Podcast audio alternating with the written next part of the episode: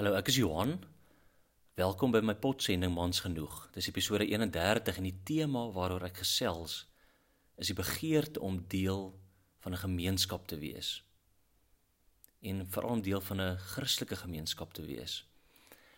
Nou ek het onlangs 'n geleentheid aangebied waar ek met met spanne gewerk het wat in bediening was.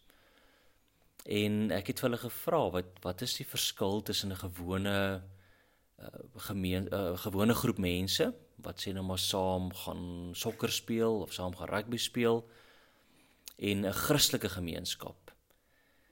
En hulle kon nie sê nie, hulle het nie geweet nie.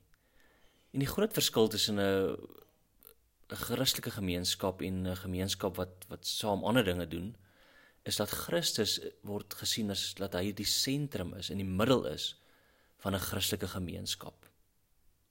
So Christelike gemeenskap is hier waar gelowiges met mekaar in autentieke en liefdevolle verhouding is, terwyl hulle mekaar bemoedig om dieper in Christus in te groei.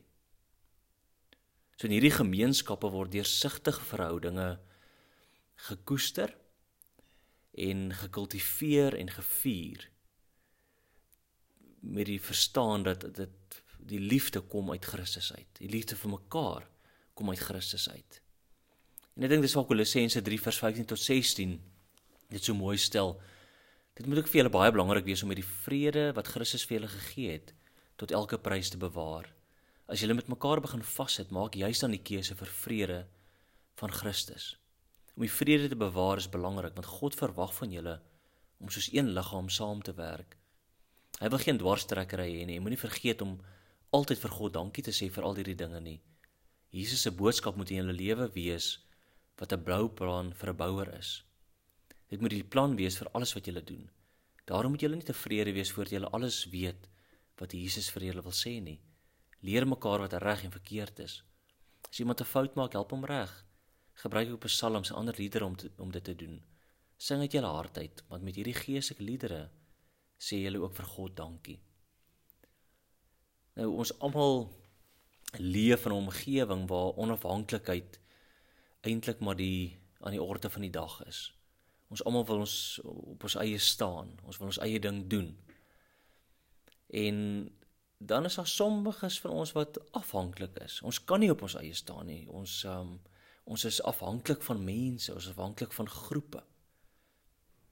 Dit is altyd van onafhanklik en afhanklik is nie noodwendig die gesondste manier van funksionering nie.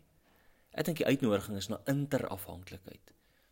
Waar ek op my eie kan wees, maar waar ook vir jou nodig het om regtig gesond te wees. So hierdie interafhanklikheid.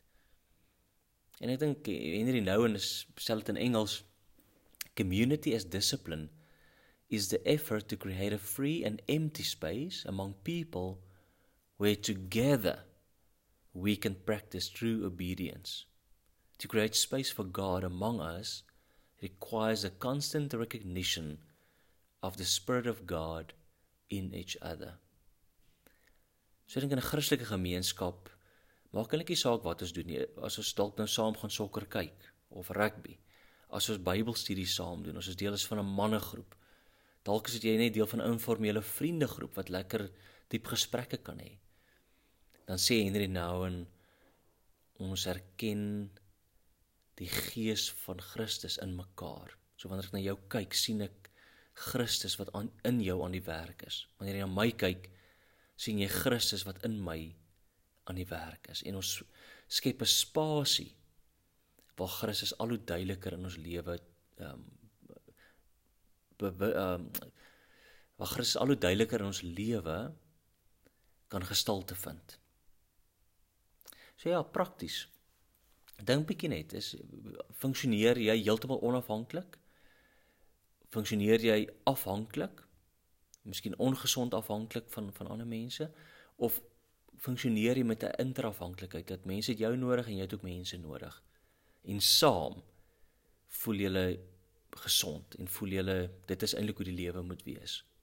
'n Tweede ding waar ek kan dink is hoe neem jy deel aan Christelike gemeenskap?